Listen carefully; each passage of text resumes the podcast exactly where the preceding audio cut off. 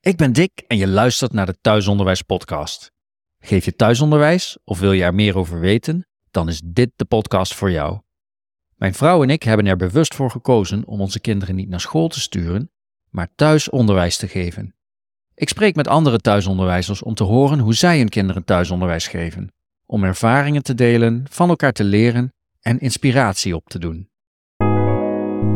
Vandaag spreek ik met Rosa. Ze geeft thuisonderwijs aan haar dochter van bijna 8 en haar verstandelijk beperkte dochter van bijna 10. We spreken over thuisonderwijs voor een verstandelijk beperkt kind, het analyseren van Harry Potter boeken en interessesparks. Rosa, welkom bij de Thuisonderwijs Podcast. Dankjewel dat ik er mag zijn. Kun je wat vertellen over je gezin?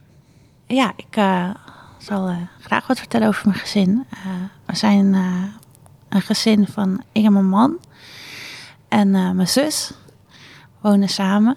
En samen hebben we met z'n allen drie kinderen. Ik heb er twee, twee dochters.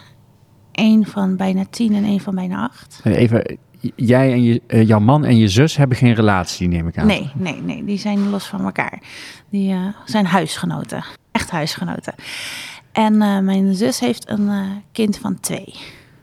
En we wonen met z'n allen in een huis. Gezellig. Heel gezellig.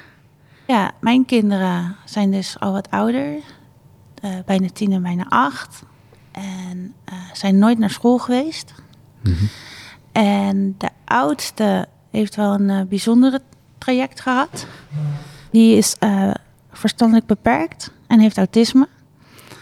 Dus die is dan wel bijna tien, maar heeft ongeveer het ontwikkelingsniveau van een peuter. Mm -hmm. Op de meeste gebieden. En op sommige gebieden wat hoger en op sommige gebieden zelfs nog wat lager. Is dat vanaf haar geboorte?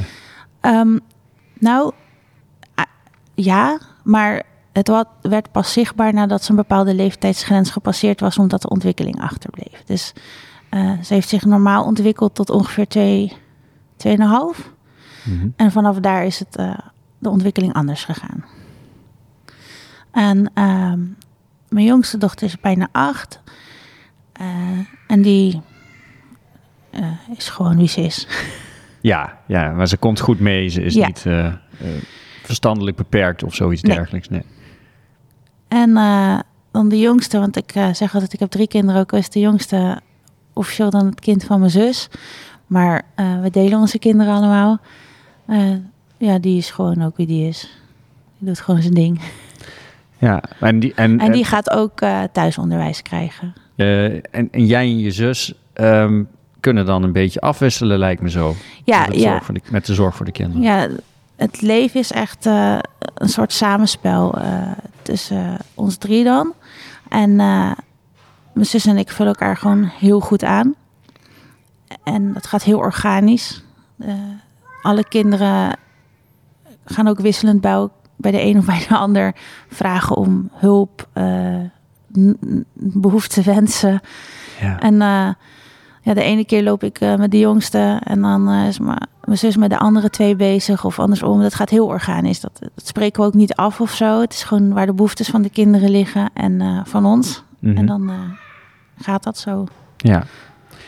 En voor de duidelijkheid ook even. Um, de, het kindje dat jouw zus heeft gekregen... is van een andere man die niet bij jullie woont, begrijp ik? Ja, ja. ja klopt. Hij, hij is verwerkt met een donor. Ja. Um, en kun je wat vertellen over um, jouw oudste dochter, die dus um, verstandelijk beperkt is en, en autistisch, hoe dat, uh, hoe dat gaat in de praktijk? Ja, ongeveer toen zij rond de drie was, toen uh, was het wel echt heel duidelijk dat uh, school een reguliere school niet ging worden. Ik, we moesten toen bedenken over hè, hoe gaan we het onderwijs vormgeven voor uh, een kind wat duidelijk een andere ontwikkeling laat zien. Ja. Dus toen hebben we toch gekeken voor wat dan wel passend is.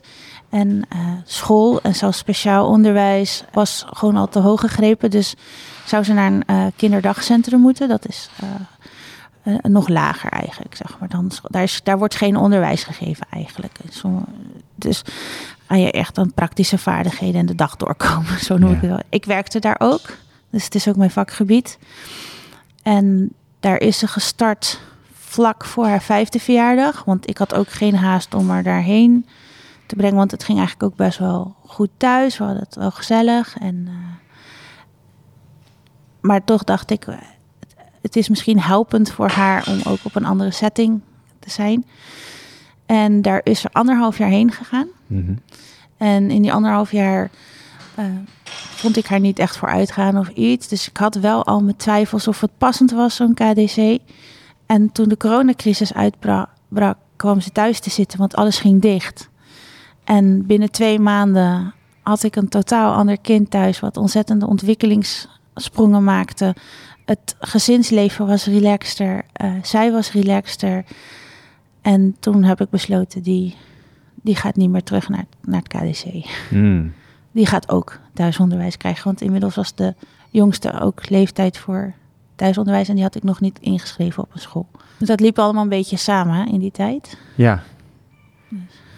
En, en um, nu zijn dus uh, drie kinderen bij jullie thuis. Ja. En je zus en je man en Mhm. jij geven dus thuisonderwijs aan je oudste dochter. En jouw jongste dochter, maar het middelste kind, in het gezin. Ja. En zij is bijna acht, zei je. Ja. Ehm, hoe, hoe gaat dat met haar? Hoe doe je dat? eh, hoe, hoe vul je dat thuisonderwijs in? Uh, we zijn heel erg kindgericht en kindvolgend. Mhm. Dus uh, probeer te kijken naar waar haar interesses liggen en haar behoeftes en daar dan op in te spelen. Ze is heel speels nog. Ze is al bijna acht, maar echt nog heel speels. Dus ze is fysiek uh, nog altijd heel druk bezig. Dus ik moet het vormgeven, vooral fysiek. Echt aan een tafel zitten en dat kost haar nog heel veel. Dus Mhm. dat, dat, zit, dat doen we nog niet zoveel.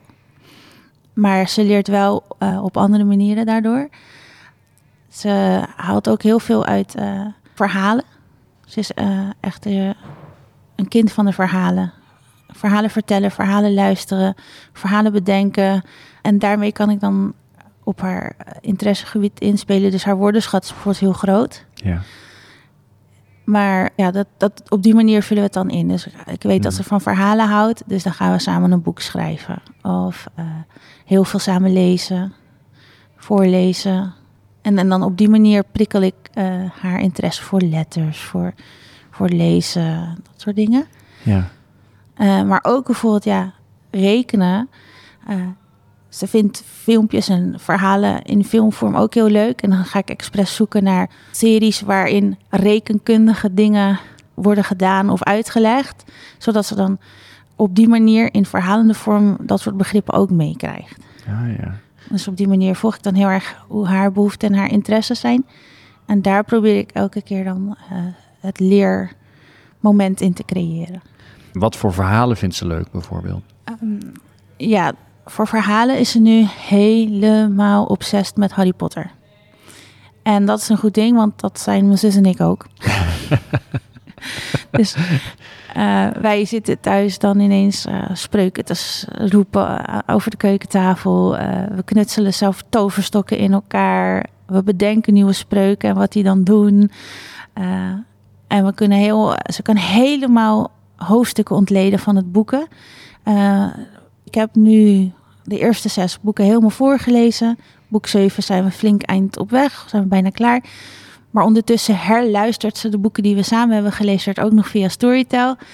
En sommige boeken hebben ze denk ik nou al tien keer geluisterd van begin tot het eind. En dan gaat ze helemaal ontleden wat er in boek 1 is gebeurd en hoe dat samenhangt met passages in boek 6. En dan krijg ik ineens terug, maar mam, in boek 1 gebeurde dit en dit. Maar dat klopt eigenlijk niet, want in boek 6... En ja. dan gaat ze dat helemaal ontleden. Ze probeert ook...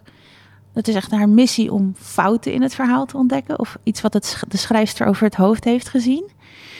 En ook vertaalfouten, of, uh, ja, vertaalfouten in de boeken hebben we er ook uitgehaald. Of denk, dat vindt ze dan heel leuk. Uh, omdat dat dan niet klopt. En dat heeft zij dan ontdekt. Ja. En ze vindt het ook heel leuk om de verbanden te vinden in de, in de serie. En dat levert leuke discussies op zo uh, bij het ontbijt. Dat is best knap. Dat is een flinke boekenreeks. Ja. Om dat zo in de vingers te hebben en zo verbanden te kunnen leggen. Ja, dat vind ik ook. ik ben ook wel echt verbaasd soms over waar ze mee komt. En uh, er zijn ook dingen in deze verhaal die best wel heftig zijn. Het, we zitten nu in boek 7 en het gaat echt best wel ver over moorden en martelingen en dergelijke. En Mhm. burgers die niet gezien worden als eh, goed omdat ze ander bloed hebben, zeg maar. En daar, dat is dan, vond ik wel spannend om met haar dat aan te gaan, omdat ze ook nog maar 7, bijna 8 is. Ja, Maar ze kan dat wel goed een plekje geven. We hebben het er dan wel over. En dat vind ik dan ook, dat is dan ook wel weer een leermoment. Dat kan je wel weer heel goed ook vertalen naar eh, gewoon de huidige maatschappij over eh, zaken die gewoon in de wereld spelen. ja. En dan is zo'n boek wel handig als startpunt. Ja, dat is iets waar heel veel ouders mee worstelen, denk ik. Van wanneer introduceer je de nare dingen Ja, aan, aan je kind? Want de nare dingen horen ook bij het leven. Maar goed, je wil ook niet iets introduceren wat een kind niet kan begrijpen of niet kan verwerken. nee, precies. En dingen als de dood, ja, dat is uiteindelijk moet je daar een keer wat mee, want het hoort bij het leven. Eh, Ja, en dan is misschien zo'n Harry Potter boek helemaal zo gek nog niet. nee, het, het, het geeft wel eh, eh, onverwachts heel veel beginpunten voor leermomenten eigenlijk. Dus ja, dat is echt nu een heel erg ding, Harry Potter. Eindeloos. En ze is ook heel fysiek. Ze zit gewoon heel goed in haar lijf. Ze is gek op sporten. Ze doet verschillende sporten. Ze judoot, turnt en danst. En rijdt paard. Zo, Ja, en eigenlijk zouden ze nog meer sporten erbij willen doen. Maar ze zit ook nog op scouting. Dus dat is nummer vijf, hebben we ja, het over. Hè? ja. Dus, en ik vond het wel genoeg. Maar zij zou het liefst elke dag van de week een sportclub hebben om eh, te doen. En ze vindt ook bijna alle sporten leuk. Het enige waar ze geen gevoel voor heeft is balsport. Ja. Ja, maar dat zou ze ook het liefst nog doen. En kun je wat vertellen over de interesses van je oudste dochter? Eh, die heeft ook eh, heel wat leuke passies. Zij rijdt ook paard. Echt waar? Ja, het is aangepast paardrijden. En eh, ze vindt het, he- ze is ook heel fysiek en ze vindt eh, bewegen heel fijn. En op een paard heb je bepaalde bewegingen die gewoon super fijn voelen. En dus ze gaat met veel plezier paardrijden. En we zijn nu ook begonnen dan ook het contact met de paarden wat gaan uitbreiden. Want dat vindt ze nog wel heel spannend. Want ze is gek op dieren, maar ze vindt ze ook heel eng Mhm. omdat dieren vaak onvoorspelbaar kunnen zijn.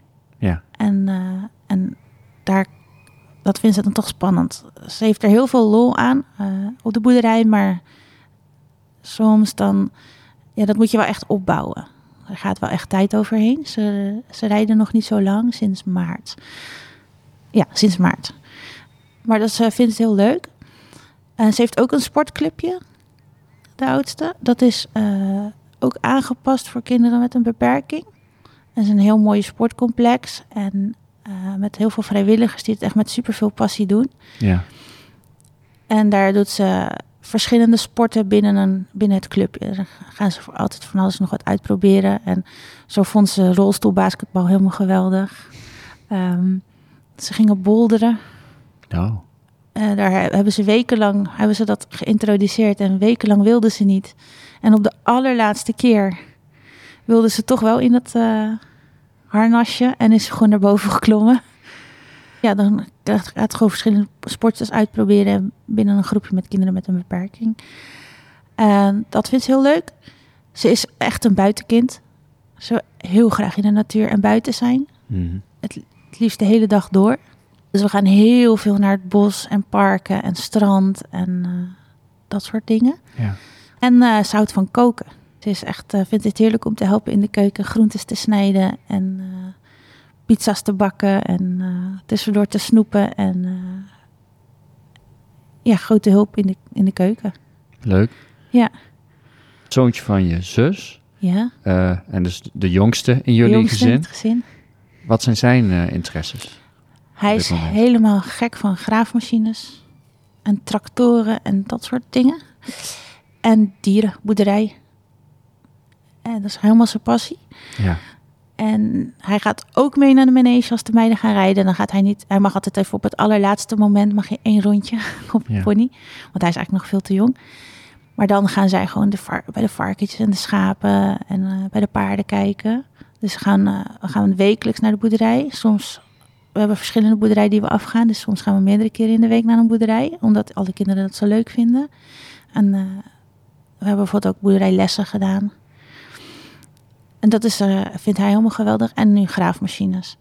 Wat, we staan nu een maandje op de camping. En daar zijn, wordt een nieuw zwembad aangelegd. Dus hij heeft heel veel graafmachines gezien de afgelopen maand. En dat vindt hij echt helemaal geweldig. hij leert, hij wordt een beetje tweetalig opgevoed. Engels en Nederlands. Dus uh, alles over graafmachines kent hij nu ook in het Engels. Dat hij dat helemaal zijn interesse is. Dus dat pikt hij nu zo op. Wat leuk zeg. Ja. Hoe organiseer jij sociale contacten voor de kinderen? Nu gaat dat eigenlijk heel organisch en eigenlijk vanuit de kinderen zelf bijna. Ik hoef daar bijna niks meer voor te doen. In het verleden kostte dat wat meer tijd. Maar een groot onderdeel daarvan zijn wel de verschillende clubjes en groepjes waar uh, mee afgesproken wordt. Ja.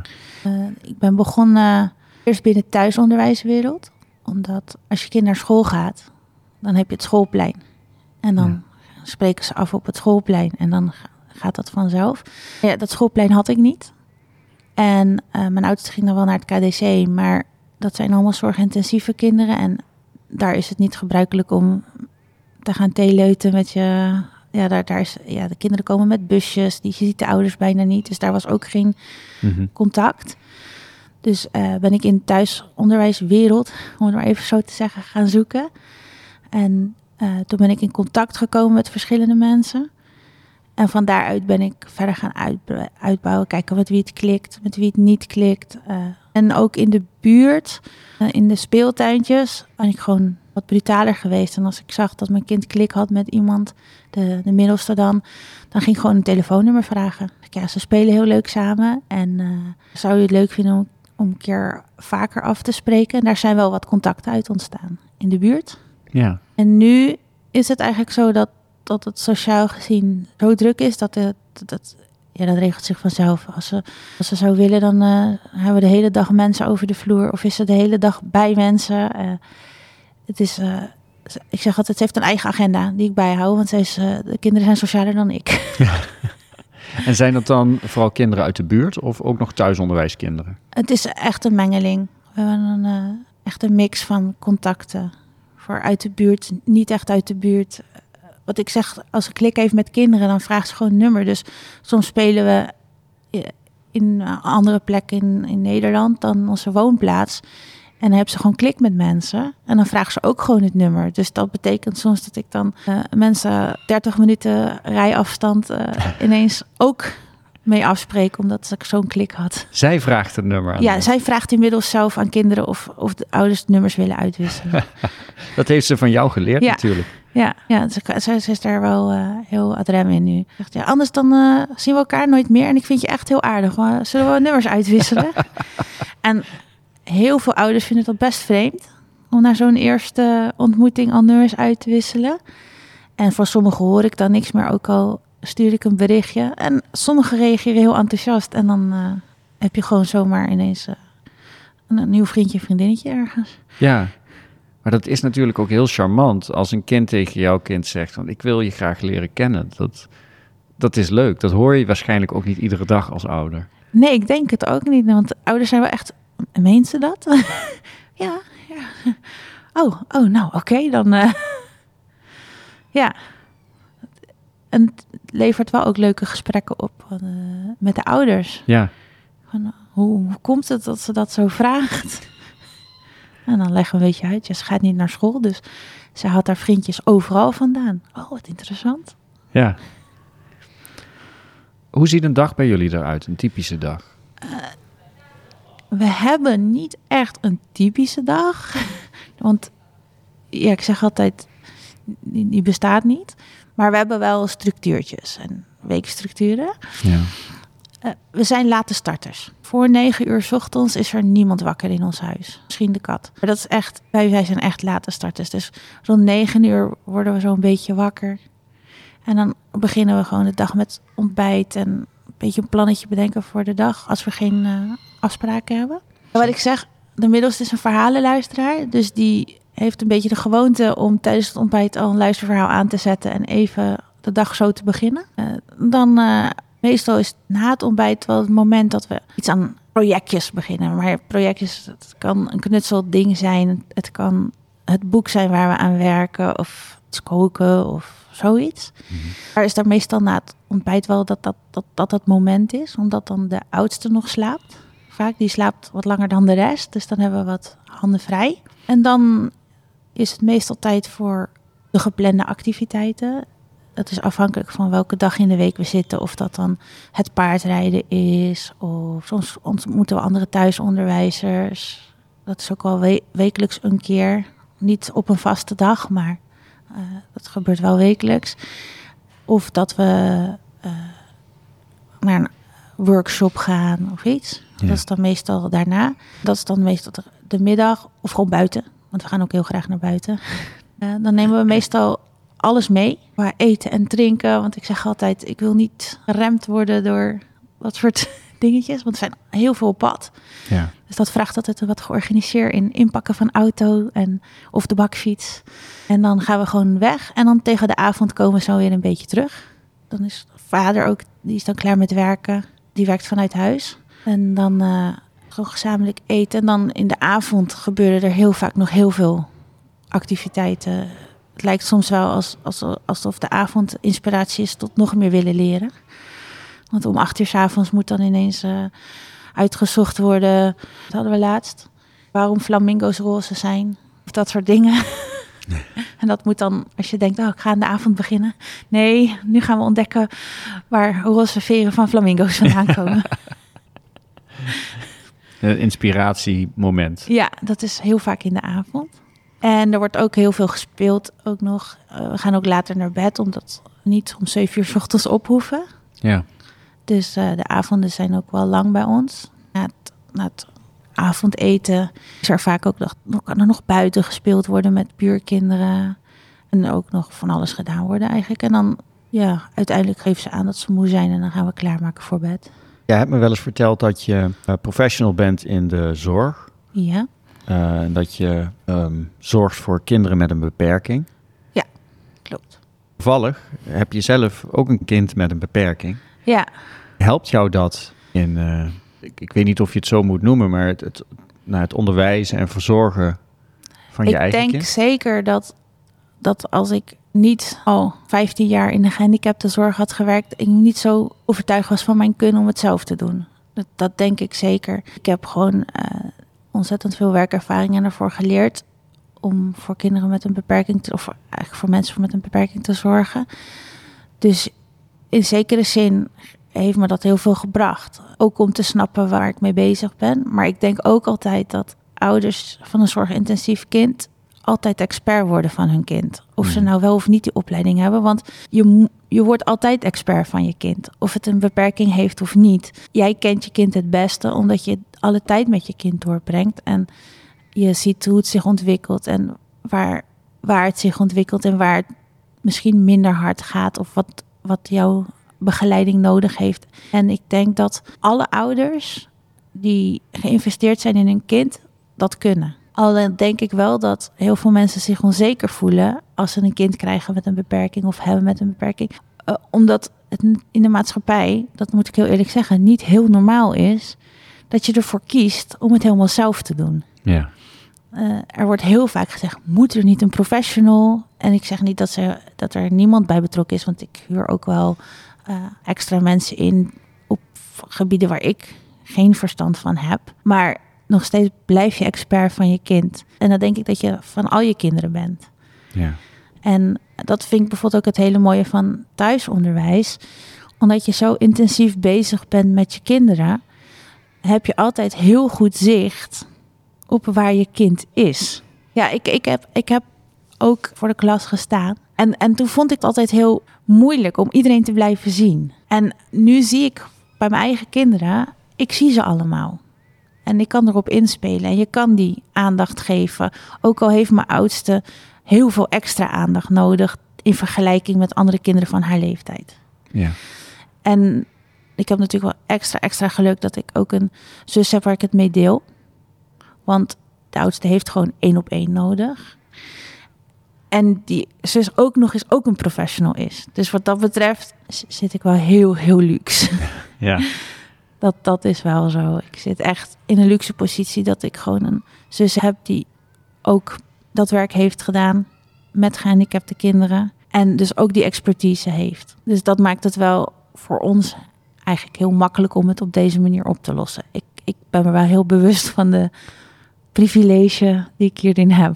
Ja. Wat fijn ook voor je dochter. Ja, Kun je eens ingaan op hoe je dochter zich ontwikkelt? Ook met het oog op jouw ervaring als professional.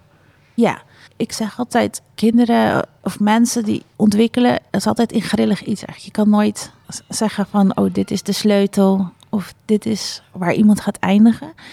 En zeker kinderen die op een andere manier ontwikkelen dan waar we gewend zijn, wat, wat de merendeel van de mensen doet, is het heel lastig om te zeggen, oh, daar gaat een kind eindigen. Ik krijg wel eens de vraag van, eh, gaat ze nog veel groeien? Ik zou het niet weten. Maar elk mens is zo gemaakt dat het zich wil ontwikkelen. Daar ben ik van overtuigd. Dus ja, ze leert van alles en nog wat op haar manier en haar tempo. En als ik kijk naar mijn jaren werk, zie ik wel bepaalde type cliënten terug die ik vroeger heb gehad. Dus ik kan wel een soort van inschatting maken van, nou, ze zal nooit zelfstandig wonen. Dat, Ja. dat, dat, dat besef ik me 100%. Maar waar ze dan wel eindigt, dat durf ik echt niet te zeggen. Want soms dan denk ik van, oh nou, dat zie ik niet meer nog gebeuren. En dan gebeurt het wel. En eh, dat is wel ook het mooie aan dat je zoveel tijd hebt.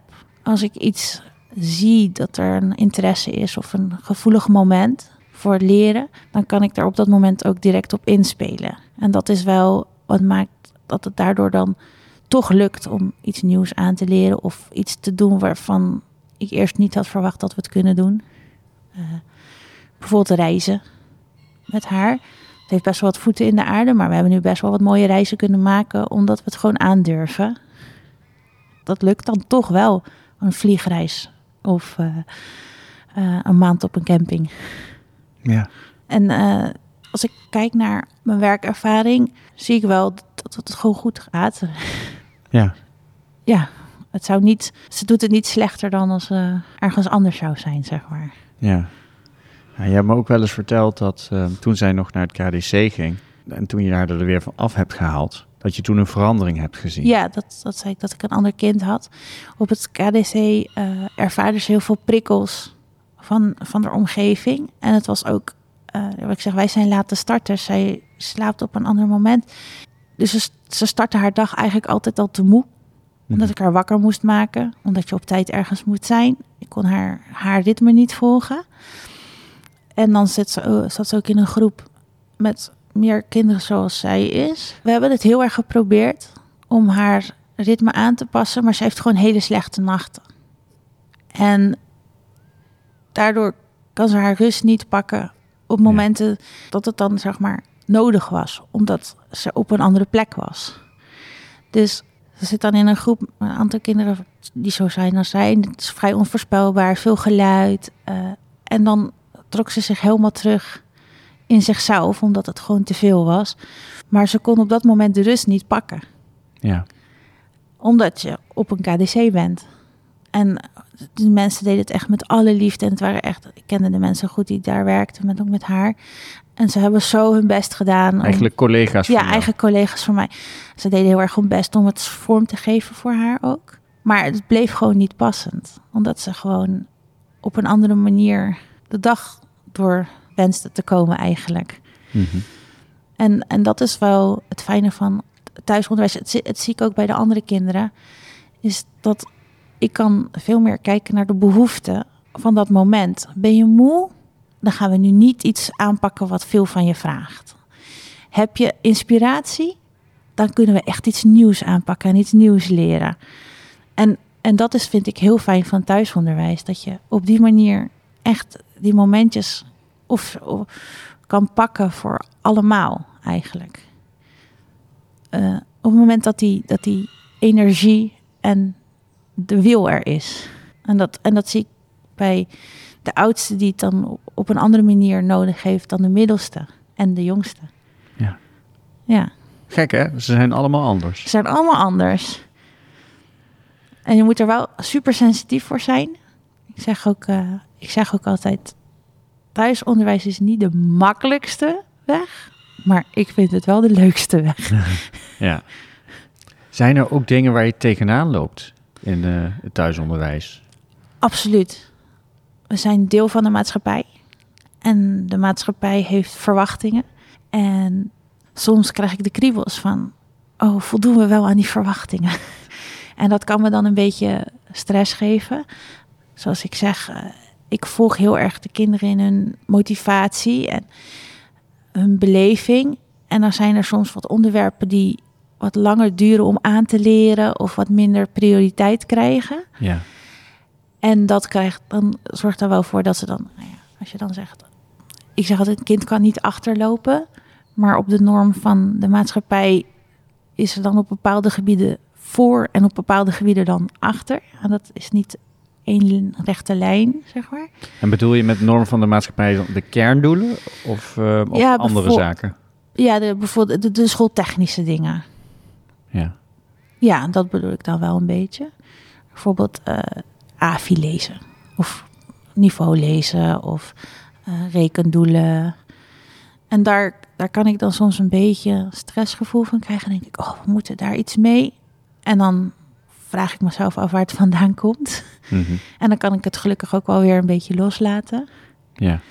Niet dat ik het leren loslaat of het leerproces, maar de, de verwachtingen van, van de maatschappij, zeg maar. Ja, want um, als je dan denkt, ehm, daar moeten we dan iets mee. Je hebt eerder, uh, eerder verteld tijdens dit gesprek dat um, jouw middelste dochter eigenlijk nog heel erg uh, speels is. Ja. En dat ze daarom ja, dat bijvoorbeeld achter een tafel zitten en achter een boekje met een rekenmethode, dat dat nog niet zo valt bij haar. Nee, dat, dat levert toch behoorlijk wat weerstand op. Ja. Ondanks dat ze al ontzettend veel kan in, in, in de rekenprocessen, maar echt zo'n boekje, dat vinden ze dan nog heel moeilijk. En dan hè, is de norm dat kinderen dat van een bepaalde leeftijd eigenlijk wel kunnen. En dan denk ik, oh, moeten we dat dan gaan forceren? En dan denk ik, nee, dat moeten we niet doen. Mhm. We gaan het wel. Er komt een natuurlijk moment dat het wel bij haar gaat passen. Daar ben ik van overtuigd als er fysiek uh, minder bewegingsbehoefte is, bijvoorbeeld. Ja. Nou, en daar zijn ook heel veel voorbeelden van. Uh, er ook veel onderzoeken naar gedaan. Ja. Dat kinderen die um, op latere leeftijd eh, bijvoorbeeld beginnen met rekenen. Um, en dan latere leeftijd, ik noem maar wat, met tien jaar bijvoorbeeld, dat die vervolgens het weer inhalen. Omdat ja, ze sneller, de stof sneller uh, in de vingers hebben en ja, ook meer interesse in hebben op dat moment. Dus het is niet alleen jouw gevoel, het is natuurlijk ook wel gebaseerd op uh, wat je weet. Ja, Ik, ik heb daar wel heel erg in verdiept. Ook om, wat ik zeg, ik krijg dat gevoel, dan ga ik zoeken naar waar komt het gevoel vandaan, maar ook klopt het gevoel. En ik, ik vind het heerlijk om onderzoeken te lezen over hoe mensen leren. Ik heb het ook voor mijn studie moeten doen. En er zijn heel veel manieren van leren en heel veel manieren van intelligenties. Dat kan ik, heel, kan ik een podcast over vullen. en uh, en die, die bagage heb ik wel. En die kennis heb ik ook. En daardoor weet ik ook uh, mezelf dan gerust te stellen van ik ben goed onderbouwd, ik weet waar we aan werken. Het komt goed. Ja, er zit ook verschil tussen landen, wanneer kinderen, op welke leeftijd kinderen ja, bijvoorbeeld beginnen met lezen of rekenen. Het is niet zo dat hoe vroeger je begint, hoe betere rekenaar iemand wordt bijvoorbeeld. Uh, nee, nee, dat is absoluut geen. Uh, maar het, ja, de, de, de verschillende intelligenties zijn super interessant. Uh, het is ook heel interessant om te weten wat voor intelligentiesoort je kind heeft. Ja. Omdat die kan heel erg afwijken van je eigen. En als je het weet, dan kan je wel beter inspelen op hoe je je kind kan begeleiden in het leerproces. Ja. Dus uh, dat is ook voor thuisonderwijsouders. Die zijn ook altijd zelf heel erg aan het lerende, heb ik wel gemerkt. Mm -hmm. Want je, je scholt jezelf niet alleen in wat je je kind wil leren, maar ook hoe leert je kind en welke manieren van leren zijn er. En welke, ja, ja. het is, uh, ik denk thuisonderwijs is net zoveel leren voor mezelf als voor mijn kinderen. Wat uh, mij zelf opvalt, is dat uh, ik zie aan mijn kinderen vaak dat als ze ergens uh, tegenaan lopen, dat, dat ik dat dan herken van mezelf van vroeger. Van, oh, daar had ik ook moeite mee bijvoorbeeld. En dan kan ik me soms nog herinneren wat, wat er nodig is geweest voor mij om dat te begrijpen. Ja. En dan weet ik dus, oh, dat kan ik ook proberen. Ja, ja, ja. Kinderen zijn een ontzettende spiegel. En omdat als je als thuisonderwijs ben je gewoon heel veel met je kinderen. En op uh, andere manieren en momenten ook. En inderdaad, die spiegel. Uh, ik ken heel veel van mezelf uh, in het proces van leren. En nou, het voorbeeld van lezen heb ik voor mezelf gewoon een duidelijke herinnering. Ik was er ook heel lang niet aan toe, maar op school deden we het wel. En ik had rond mijn negende dat het kwartje viel. Uh, omdat ik wilde de, ondertiteling lezen van films. Mm En dat is de motivatie. Dan, en dan valt het kwartje ook nog eens. En van een echt een. Oh, ik had zo moeite met lezen. Extra begeleiding, alles. En op mijn, rond mijn negende viel het kwartje en kon binnen een paar weken technisch perfect lezen. Ben jij vroeger ooit getest? Uh, ja, mijn zus ik hebben meegedaan aan een tweelingonderzoek. En uh, daar kwam wel gewoon een goed IQ uit, zeg maar. Ja, en wat is een goed IQ? Gewoon normaal? Bovengemiddeld. Hm. Op school kwam het er niet uit. Laten we daarop houden. Ja. Ik was ook heel speels. Ja. Heel lang. Ja. Ja. En uh, daarom vind ik het ook fijn dat mijn kinderen dat nu kunnen zijn. En dat, ik denk dat je dat ook wel vertrouwen geeft dat dat goed komt, omdat je jezelf kent. Je kent je eigen proces. Ja, absoluut. Toen die, die technische lezen eindelijk gelukt was, heb ik mijn boeken nooit meer weggelegd. Ja. Dat was een, een wereld die open ging. Ja, wat dat betreft uh, zit dat verhalen vertellen wel in de familie. Dat is wel uh, ons ding met z'n allen. Zijn er nog meer dingen waar je tegenaan loopt in het thuisonderwijs? Ja, heel soms is het wel lastig. Je hebt gewoon ook drie verschillende kinderen in huis met hun eigen behoeftes. En die kunnen onderling nogal eens elkaar in de weg zitten. Dat is wel iets soms wat, wat jong leerwerk vraagt. En ook soms dat je een nee moet verkopen wanneer je dat eigenlijk helemaal niet wil. Je wilt altijd zo graag, uh, ik zeg altijd, de sparks als die er zijn. Als die, Daar wil je eigenlijk altijd op ingaan, omdat die dan er zijn. Maar als de behoeftes van de twee andere kinderen er echt niet naar liggen, dan moet je soms echt een nee verkopen. En daar kan ik dan soms wel eens van balen. En is dat, omdat je dan je aandacht moet verdelen over drie kinderen? Ja. ja. En we zijn wel altijd met z'n twee, dus... Uh, Jij en je zus? Ik en mijn zus bijna altijd met z'n twee. Maar toch zijn er momenten, en niet alleen ook met de kinderen, maar ook gewoon het, het dagelijks leven. Als je net bedacht hebt dat er boodschappen moeten komen. Of nou ja, gewoon dat soort stomme dingen. Ik zeg altijd, het huishouden bemoeit zich dan ermee en zo. En heel vaak kan ik nog bedenken van, uh, kunnen we niet een half uurtje later eten? Of, uh, maar er zijn momenten dat je gewoon moet. Ja. de klok is dan tegen je. En daar kan ik daar wel, dat, dat zijn momenten dat ik denk, ah, oh, dit is nou jammer. Dit, dit vind ik, daar loop ik dan tegenaan. En hoe ga je daarmee om als dat gebeurt? Uh, wisselend. Soms dan kan ik de boel de boel laten en dan gaan we er toch op in. Mhm. En dan lossen we daarna wel op dat, dat bepaalde dingen niet gelukt zijn.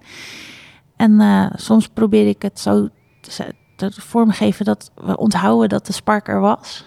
En dan zeg ik, uh, bewaar het, we gaan er later op terugkomen. Uh, of als het lukt om het uit te besteden. Soms kan ik iemand anders vragen om er even mee iets te doen. En soms dan verlies je het ook gewoon. dan, ja, nee, mam, nou is niet meer interessant. kom, kom, we gaan er gaan we opzoeken. Nee, nee, ik ben nu weer wel wat anders bezig. maar gelukkig is er altijd wat anders. Ja. ja, er komt altijd een nieuw iets. In het algemeen, hoe bevalt thuisonderwijs voor jouw gezin? Ja, we, we genieten er allemaal echt heel erg veel van. Ik, ik zeg altijd, de tijd die je als gezin ervoor krijgt, dat is dat, dat ik nooit beseft hoeveel tijd je eigenlijk met elkaar doorbrengt als je thuisonderwijs doet. Dat is iets wat ik heel waardevol vind. Mhm.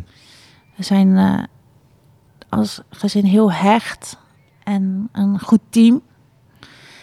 En dat is denk ik, ja, dat, dat dat hadden we nooit, denk ik, gerealiseerd. Of dat was nooit gebeurd als, als ze een deel van de dag weg waren geweest.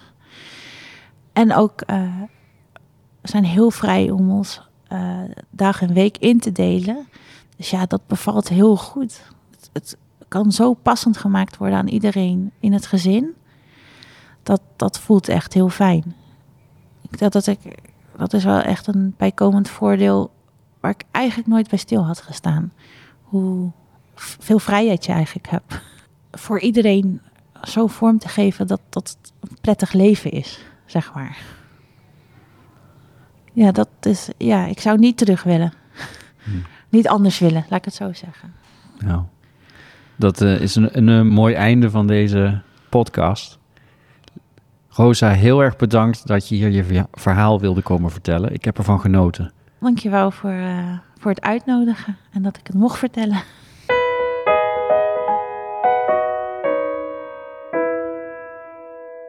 Dank voor het luisteren naar de Thuisonderwijs Podcast.